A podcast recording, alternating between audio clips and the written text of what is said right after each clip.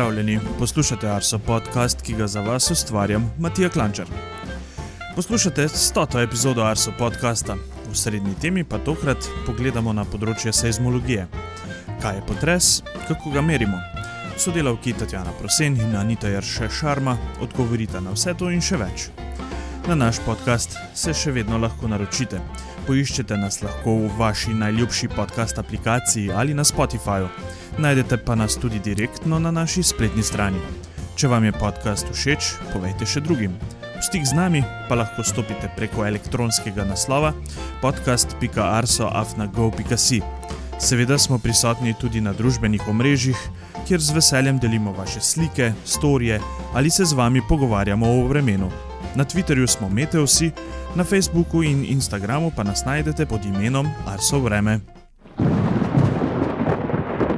Osrednja tema.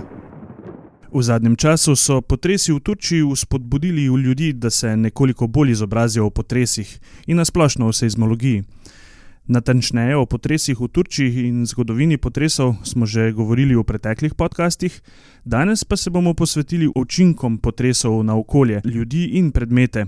Medtem ko zdaj vemo veliko več o tem, kaj leži pod površjem Zemlje in kako se kamnine premikajo, je še vedno nemogoče napovedati, kdaj se bodo potresi zgodili.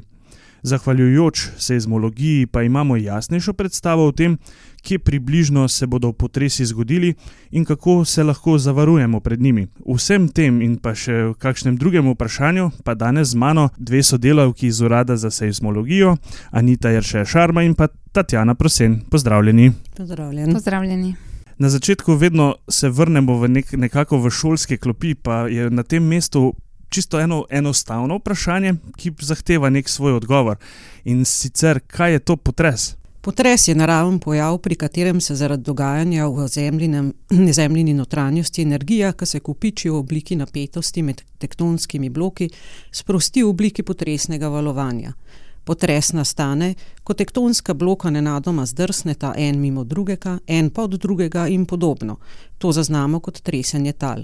Nastajajo predvsem na stikih in v bližini stikov litosferskih plošč. In kako jih merimo? Potres je naravni pojav, ki ga ne moremo nadzorovati, lahko pa jih dobro merimo, analiziramo njihove učinke. Za opredelitve velikosti potresa najpogosteje uporabljamo magnitudo in intenziteto potresa. Magnituda je številska mera za velikost potresa, z njo ocenimo, koliko energije se je v potresu sprostilo v žarišču potresa. Intenziteta potresa pa je mera za učinke potresa na predmete, ljudi, zgradbe in naravo. Intenziteta fizikalno ni opredeljena, vendar jo določimo s pomočjo intenzitetne lestvice. Intenziteta je navadno največja v žarišču potresa in se zmanjšuje od, z oddaljenostjo od, od njega. Področje, ki opredeljuje intenziteto, se imenuje makroseizmika. In veliko krat tudi, pač, ko gledamo te učinke potresov, govorimo o makroseizmologiji in zakaj je to sploh pomembno. Makroseizmologija je nekako najstarejša veda seizmologije, uh, ki je nastala že preden so obstajali inštrumenti za merjenje potresov, torej inštrumenti za merjenje premikov, hitrosti in pospeškov. Takrat so lahko eh, po velikosti potrese razvrščali le uh, po opisih učinkov na površje, torej učinkih na ljudi, zgradbe in naravo, glede na intenzivnost teh učinkov. Analiza porazdelitve intenzitete po naseljih je omogočala določitev parametrov potresa, kot so lokacija, magnituda in globina žarišča. Podatki o intenzitetah so najpogosteje prikazani v grafični obliki v, na zemljevidih. Moderni makroseizmični monitoring je primeren za ocenjevanje učinkov potresa po naseljih, kot tudi za preučevanje dušenja jakosti potresnih valov. Že od poznih 70-ih let je znano, da so makroseizmične metode pomembne tudi pri raziskavah potresne nevarnosti. Ker je stopna intenzitete neposredno povezana s škodo, ki jo za sabo pusti potres, lahko makroseizmične metode pripomorejo tudi k preučevanju potresne ogroženosti in so izredno pomembne tudi v zavarovalništvu, da lahko določimo, kakšna je verjetnost, da je nek potres povzročil poškodbe na določenem objektu poznamo več vrst intenzitetnih lestvic, katero pa uporabljamo danes v Sloveniji. Res je, v svetu je uporabi več intenzitetnih lestvic. Pri nas se trenutno uporablja 12-stopenska Evropska makroseizmična lestvica 98, ki jo je sestavila delovna skupina Evropske seizmološke komisije leta 1998. To je novejša lestvica, ki upošteva nove vrste gradnje, nove materijale, ki se uporabljajo v gradbeništvu in natančneje določa učinke potresov na visoke zgradbe. Je prilagodljiva za uporabo v naseljenih območjih kjerkoli po svetu pri nas v Sloveniji v uporabi od leta 1995. Lahko nekaj več poveste o tej MS-98 lestvici in pa o stopnjah intenzitet? Intenzitetna lestvica je sestavljena iz niza opisov tipičnih učinkov potresa, ki si sledijo od čipkejših do najmočnejših in ustrezne številčne vrednosti. Ima 12 stopenj in pokrivajo razpon od niso čutili do popolno uničenje intenziteta naselja ne temelji na največjem učinku, ampak moramo upoštevati statistiko učinkov, kot so posamezni mnogo večina, ki v grobem zastopajo tri območja: od nič do 20%, 20 do 60% in 60 do 100%. Vendar je bila sprejeta uporaba rahlega prekrivanja definicij, da bi povečali robustnost lestvice. So tudi primeri, ko imamo vse učinke stopne 6 in nekaj učinkov stopne 7, takrat ocenimo intenziteto potresa kot 6 ali 7, kar pa ne pomeni neke srednje vrednosti. Kadar ni mogoča večja natančnost, je možen tudi zapis manj kot 6 ali več kot 7, lahko pa tudi uporabimo samo simbol F za čutili, T za zvok in D za poškodbe. Ob močnejših potresih lahko pride do mnogih poškodb na stavbah. Kako pa te ocenjujete? Zgradbe so zgrajene na različne načine in posledično so različno odporne na potres. Zato moramo paziti, da pri primerjanju poškodb na različnih lokacijah primerjamo med seboj podobne vrste zgradb. Najprej pa je potrebno zgradbe razvrstiti v razrede glede na njihovo ranljivost. Evropska makrosezmična lestvica razvrsti zgradbe v šest skupin ranljivosti, od najslabših A do najbolj trdnih F. Glede na kvaliteto gradnje, stanje zgradbe pred potresom, nepravilnosti oblike ali konstrukcije, duktilnost, položaj glede na druge zgradbe, okrepitve in stopnje potresno odporne gradnje. Potem, ko smo določili razred ranljivosti stavbe, pa lahko stavbi določimo stopnjo poškodovanosti. Imamo klasifikacijo poškodovanosti za zidane zgradbe in pa tudi za armirano-betonske zgradbe. Poškodbe zgradb so različ, razvrščene v pet stopenj poškodovanosti, od zanemarljive poškodovanosti do popolnega uničenja. Vsaka stopnja je opredeljena z opisom značilnih poškodb, podane so tudi slike tipično poškodovanih stavb. Na osnovi opisa dejanskih poškodb v nekem naselju opredelimo stopnjo poškodbe ob potresu. In kaj vpliva na samo intenziteto? Učinki potresa na izbrani lokaciji so odvisni od lastnosti žarišča potresa. To so oddaljenost, globina mag magnituda, smer preloma in smer premika ob prelomu. Potem so odvisne tudi od vpliva regionalne geološke zgradbe, to so hitrost širjenja valovanja, dušenje, in od lokalne geološke zgradbe, kamor sodijo mehanske lastnosti, debelina in oblika sedimentacijskega bazena ter relief površja. Lastnosti tav moramo v predpisih o potresno odporni gradni upoštevati tako, da oceno potresne nevarnosti na skali pomnožimo s faktorjem tav, ki je v Eurokodu 8 predpisan za nekatere značilne vrste tal. Tatjana, kako pa zbirate podatke o potresnih učinkih? Zbiranje makrosezmičnih podatkov se je začelo že leta 1896 po močnem ljubljanskem potresu 1895 s pomočjo makrosezmičnih vprašalnikov. Makroseznični vprašalniki so obrazci, ki so sestavljeni iz niza vprašanj o učinkih potresov in lahko na kateri nudijo izbor mogočih odgovorov, drugi pa nudijo opozovalcu možnost, da učinke opišejo svojimi besedami. To omogoča primerljivost podatkov znotraj nabora za isti potres, pa tudi za različne potrese. Makroseznični vprašalniki so v preteklosti pošiljali po pošti v papirnati obliki, v zadnjem času pa večino podatkov prejmemo preko spleta, kjer lahko vsakdo prek naše spletne strani izpolni vprašalnik. Spletni vprašalnik je prirejen drugače za računalnik kot za mobilno napravo. Na računalniku je poleg informacije o posameznikovi lokaciji v času potresa v spredju besedilni vprašalnik, ki nam poda največ informacij, ki so potrebne za oceno intenzitete v posameznem naselju. Na koncu vprašalnika so prikazane še tipične slike učinkov, ki jim rečemo piktogrami, in so povzete značilnosti dane stopnje intenzitete. Na mobilni napravi je obvezen le klik na najbolj ustrezen piktogram in naselje, v katerem se trenutno nahajamo. Seveda je zaželjeno, da na to izpolnimo še daljši besedilni vprašalnik. Med tistimi, ki izpolnjujejo vprašalnik prek mobilne naprave, jih dobra polovica izbere le piktogram, ostali pa izpolnijo tudi besedilni vprašalnik. Veliko krat opazimo tudi neskladje med izbranimi piktogrami in besedilnimi odgovori. Naprimer, da je piktogram uh, označen za komaj zaznaven potres, v besedilnem delu vprašalnika pa je opisano močno tresenje. Zato bi vas radi opozorili, da tudi piktogram uh, da je zelo pomemben za ocenjevanje intenzitete naselja. In na kaj morate biti pri zbiranju makroseizmičnih podatkov pozorni? Pri zbiranju makroseizmičnih vprašalnikov moramo biti pozorni, da res pridobimo vse dostopne informacije, ki jih zbiramo na različne načine.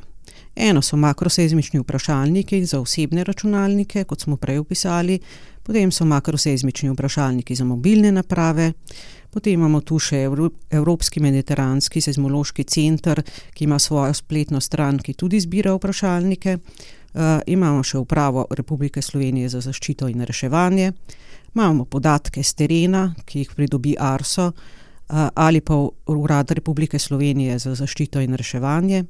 Tu so še mediji, mediji, kot je Facebook, Twitter, telefonski klici. V primeru zelo močnega potresa pa registriranim poročevalcem o učinkih potresa pošljemo tudi papirnate vprašalnike po navadni pošti. V primeru potresa, torej, registrirani opazovalci znotraj določenega nadžariščnega območja prejmejo elektronsko sporočilo z vprašalnikom o učinkih potresa. Neregistrirani opazovalci pa lahko kadarkoli na spletni strani www.potresi.arso.gov.si poševnica vprašalnik izpolnijo vprašalnik o potresu. Naj poslušalce ob tej priliki še opozorim, da se lahko vsakdo registrira kot aktivni opazovalec, saj je pri ocenjevanju intenzitete vsak izmed nas lahko instrument brez predhodnega uvajanja. Registracija olajša delo, ni pa nujna.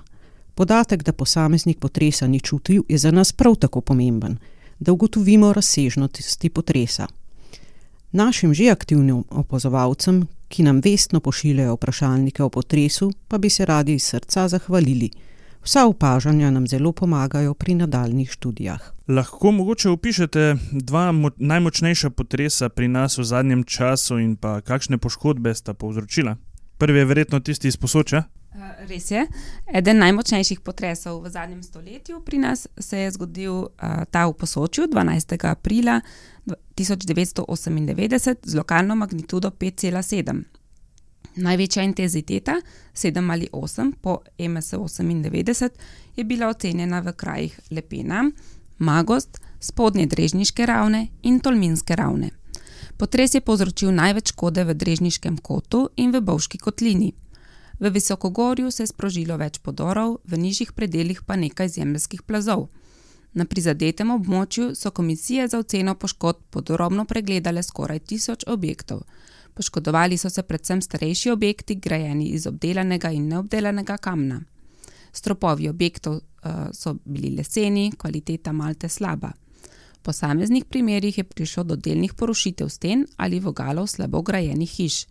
Veliko hiš je utrpelo poškodbe na strehah in dimnikih, zelo pogoste so bile tudi velike in globoke razpoke v stenah. Poškodovali so se tudi novejši, solidno grajeni objekti. Pri teh so na obseg poškodb bistveno vplivala slaba tla. Zaradi številnih popotresnih sunkov so se poškodbe na hišah sčasoma večale. Zaradi neustrezne obnove po potresih leta 1976 in slabe ali nikakršne protipotresne ojačitve je na njih znova prišlo do hudih poškodb. Kateri pa je drug primer? Potres z drugo največjo intenziteto v zadnjem stoletju na slovenskih tleh pa je bil potres 1. novembra 2015 na Gorjancih z magnitudo 4,2. Največja ocenjena intenziteta je bila 7 po Evropsko makroseizmični lestvici in je bila v Stojanskem in Vinskem vrhu. Potresni sunek na območju Gorjancev je poleg preplaha povzročil tudi gmotno škodo. Obseg poškodb je bil vsaj v enem primeru takšen, da bi bila uporaba objekta lahko nevarna, oziroma da bi bili prebivalci ogroženi. Manjše poškodbe, to so poškodbe prve stopne po evropski lestvici, smo zabeležili na novejših objektih, ki uh, spada v ranljivostni razred C in D po MS. Nekaj starejših objektov, ki spadajo v ranljivostni razred A po evropski potresni lestvici, pa je utrpelo obsežne in hude poškodbe tako nekonstruktivnih kot nosilnih delov stavbe, uh, ki nakazujejo poškodbe tretje stopne po evropski potresni lestvici. Uh, še kot ena zanimivost, uh, najmanjša magnituda potresa, ki so jo pri nas opazovalci zaznali, pa je bila minus ena za potres pri Brežicah 9. novembra 2015. Za me je zanimivost, ker pač ne poznam uh, področja seizmologije tako natančno, je pa to, da ste zaznali magnitudo potresa minus ena. Kaj to sploh pomeni?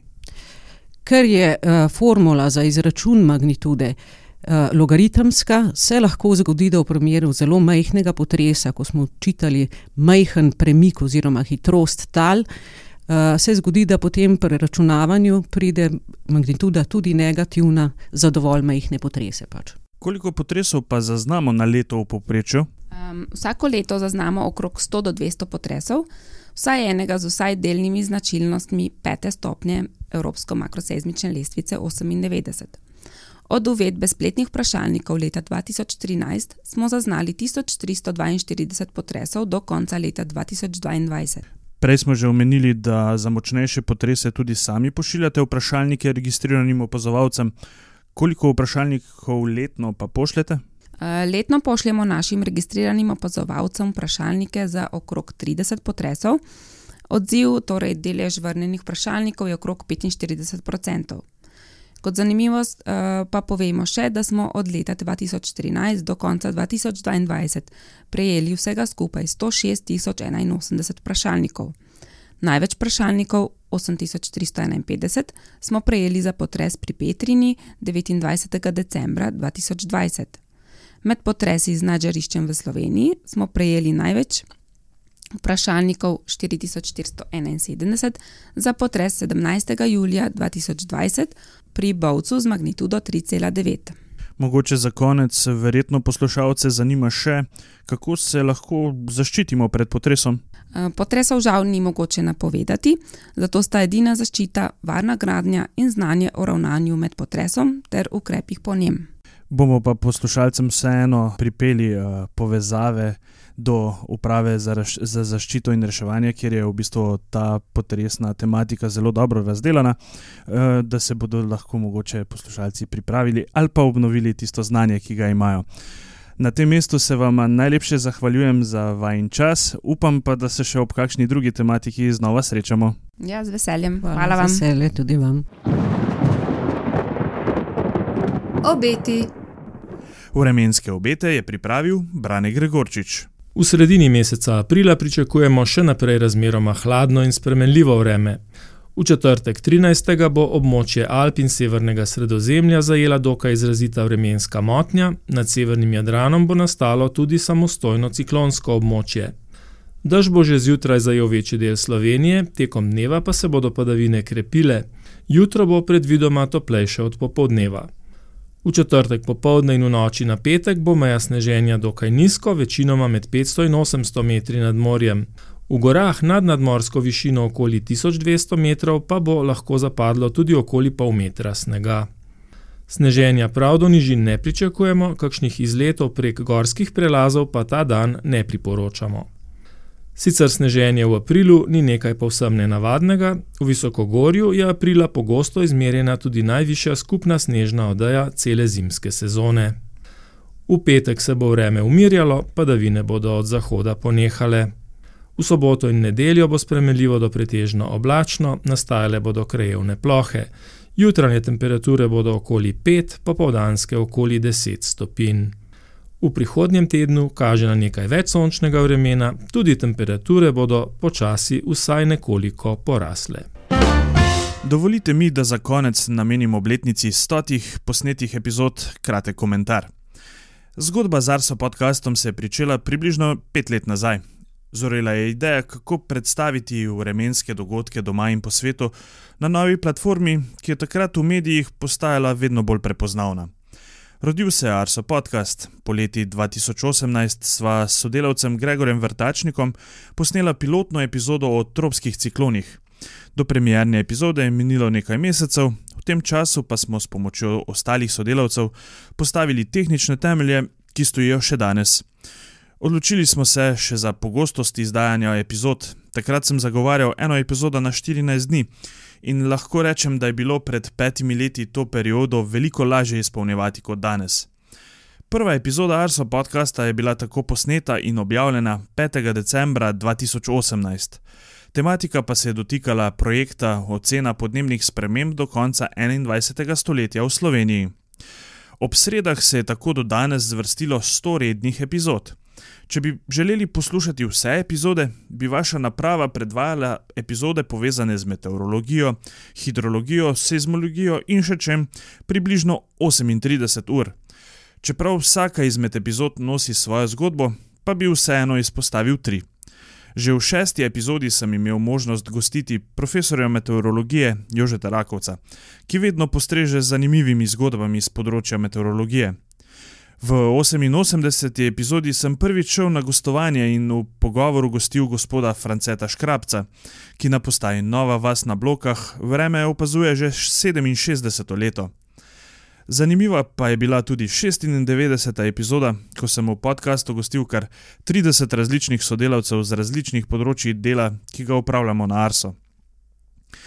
Tako je stota epizoda Arso podcasta pri koncu, verjamem, da se jih bo v prihodnosti nabralo še kaj.